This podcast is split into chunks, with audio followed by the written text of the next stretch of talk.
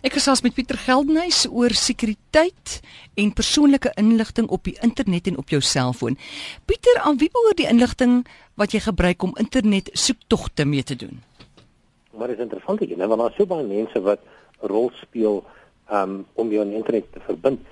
Um plaaslike wetgewing vereis dat die internetdiensverskaffer alles wat jy na al die webwerwe waar jy gaan en alles wat jy intik moet moet berg. So jy jou plaaslike diensverskaffer gaan alles wat jy intik in al die webwerwe waarna jy gaan gaan hulle 'n kopie van hou. Dan natuurlik die maatskappy wat die webblaaier maak of dit 'n Explorer of Firefox of Chrome is, hulle maak ook al hierdie inligting bymekaar. En dan as jy 'n soek engine gebruik, Google of Bing, dan ehm um, hou hulle jou in inligting van 'n periode van 2 jaar. So alles wat jy daar soek word ook gestoor. Dan is daar ook baie maatskappye, soos jy na plekke soos Facebook of Google en daarheen gaan, dan laai hulle 'n cookie op jou rekenaar af. En dan ongeag jy jy, jy hoef net een keer in jou lewe na hierdie webwerf te gaan en van dan af gaan hulle kyk hulle waar jy rondswerf. Hmm. Nou as die individu daar buite wil sien hoe dit werk, dan kan hulle die Firefox browser gebruik of Firefox blaaier en daar's 'n toets wat jy in Firefox kan aflaai met die naam Collusion. So uh, jy spel hom C O L L U S I O N Collusion en wat dit doen dit wys vir jou wie is die maatskappye wat na jou kyk. En dit is regtig fascinerend om dit te sien. Jy sien bijvoorbeeld al vyf webwerwe vyf webwerwe toe gaan en in daai tydperk sal daar omtrent 250 ander maatskappye wees wat oombliklik weet jy het hierdie vyf webwerwe besoek. So, ehm um, jy besef maar dat wat jy ook al op die internet doen, is daar is daar vele maatskappye wat weet presies wat jy doen. En die fotos en inligting wat ek op my eie sosiale media bladsye plaas, behoort daai aan my. Mm, wel dit behoort aan jou, maar dit behoort ook aan al die ander mense wat jy toegang toe gee. So mm. jy byvoorbeeld na die ehm um, die 25 bladsye wat jy moet lees gaan kyk wat ek hoofsaaklik in klik wat ek het nie tyd daarvoor nie.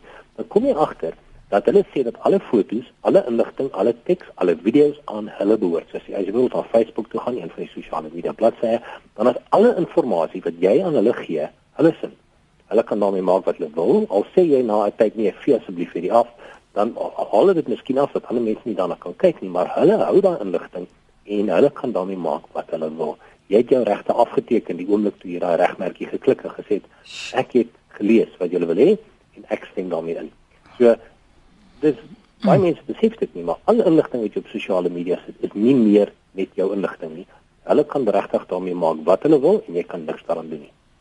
En kry toeps toegang tot die private inligting op my selfoon meeste toets wat jy aflaai vra sekere uh opsies en en sê ek wil graag toegang hê tot jou uh kontaklys, ek wil toegang hê tot jou ligging via GPS, ek wil toegang hê tot jou adresboek of jou fotos en jy kan dan besluit of jy hierdie to to toestemming gee of nie. Ehm um, daarom is die meeste toets wat jy aflaai moet vra watter dele van jou foon kan hulle uh toegang toe kry en jy kan dan besluit of jy hierdie toegang wil verleen of nie. So in, in baie opsigte is daar toets wat uh, dit, dit benodig.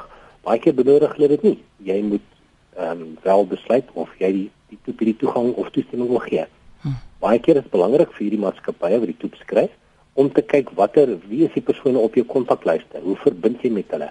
En hulle verkoop dan hierdie aan bemarkingsmaatskappye. So as jy dan 'n sekere advertensie sien op die internet, is daai advertensie eintlik gemik op jou want hulle skep 'n profiel rondom jou, wie jy is, waar jy is, waar jy bly en wat jou belangstelling is. Wil net sê Toeps is die Afrikaans wat ons gebruik vir apps. Kan Toeps jou foon gebruik om opnames te maak van jou stem en om foto's te neem via jou selfoon sonder jou toestemming? Dis 'n moeilike vraag. Daar is sekere maatskappye wat dit wel doen.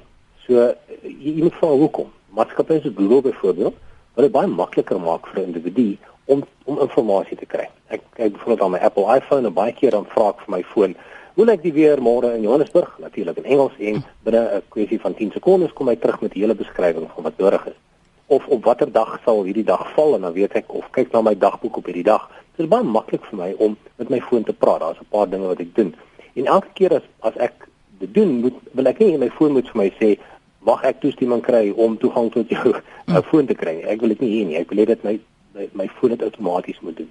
En daarom sal Google byvoorbeeld daaraan werk om na jou stem te luister. Jy kan byvoorbeeld vir jou foon sê Android doen die volgende um, en dan het Google regtig die toestemming nodig om altyd na jou te luister. Hy kyk na daai daai opname en dan sal hy vra, "Kan ek na jou stem luister wanneer ook al?"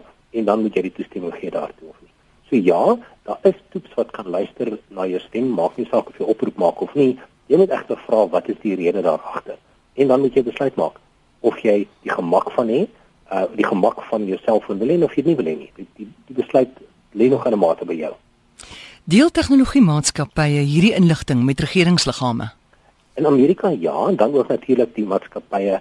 Um, hulle moet natuurlik deur 'n regsproses gaan om die inligting in die hande te kry. Maar nou met Edward Snowden wat nou jare wat uitgekom het en gesê dat die nasionale die National Security Agency eintlik al na alles luister en alle e-posse berg, begin ons dit bevraagteken of die regsproses in Amerika die enigste roete is wat, wat die regering gebruik om inligting te kry. Ehm um, dan natuurlik moet ons vra kan mense in Suid-Afrika dit doen want meeste van die maatskappye wat ons gebruik is internasionaal. Wel, hulle kan na jou lokale diensverskaffer of selfoonmaatskappy toe gaan en vra gee vir my 'n lys van die oproepe wat jy gemaak het, die teks wat jy gestuur het, die webwerf wat jy besoek het. So dis die eerste opsie. En dan natuurlik die webwerf wat jy gebruik het of die op die soek engines. En dan moet moet jy weet of jou regering baie nou gekoppel is aan die Amerikaanse regering of jy wel daai inligting kan kry. So daar's 'n hele paar opsies ehm um, en gewoonlik tradisioneel moet daar 'n regsproses gevolg word voordat iemand na jou inligting kan kyk. Maar uh, soos ek sê in in die hedendaagse omgewing weet ons nie altyd of dit wel so werk nie. Pieter, kan iemand anders 'n toep aflaai op my foon en sodoende my afluister of my teksboodskappe luister? Ja, môre, jy weet mos. Ag nee, o gits. Jy kan ehm um, jy kan met sekere fone, soos met die iPhone, gaan jy eers iets, iets moet doen wat ons 'n jailbreak moet doen. Want norm, in die normale bedryfstelsel is dit nie moontlik nie. Maar as jy byvoorbeeld hierdie foon onderhande het vir 'n uur of twee en jy doen 'n jailbreak op hom en laai alles en so dis 'n hele lang proses, maar ja, jy kan dit doen. Op uh, van jou BlackBerry en Android foon is dit ook moontlik. Dit is nie baie maklik nie, maar dit is moontlik. Jy laai uh, jy betaal 400 rand per jaar, laai hierdie um, inligting af en jy kan dan presies luister wat iemand sê sonder sonder dat hulle self 'n oproep maak. Jy kan na die mikrofoon luister. Jy kan ook sien presies waar die individu is. Alle oproepe wat hulle maak en teks wat hulle stuur, kan jy 'n kopie van kry. So ja, dit alles moontlik, maar jy gaan toegang hê tot hierdie persoon se foon vir ten minste 2 of 3 ure. O, o, dan kan jy dit wel opstel. Nou, hoe kan ek my beskerm in hierdie omgewing? Nou, die eerste belangrike ding is maak seker dat iemand toegang tot jou foon kry. Is mm. die belangrikste. Maar ehm um, die belangrike opsie is ook as jy anoniem wil bly op internet. Louis Freet seker so 'n maand of wat teruggesels oor die Tor stelsel wat hulle in Skandinawië ontwikkel het. En uh, jy kan dan Tor gebruik om anoniem te bly op internet waar selfs die diensverskaffers nou nie presies kan weet wie jy is en waar jy is en waar waarna jy kyk nie. Dan ook die cookies wat jy ehm um, aflaai op jou rekenaar op jou blaaier. Maak seker dat jy nie toegang gee tot cookies van van maatskappye wat jy nie ken nie. Vertel gou uh, weer wat is 'n cookie?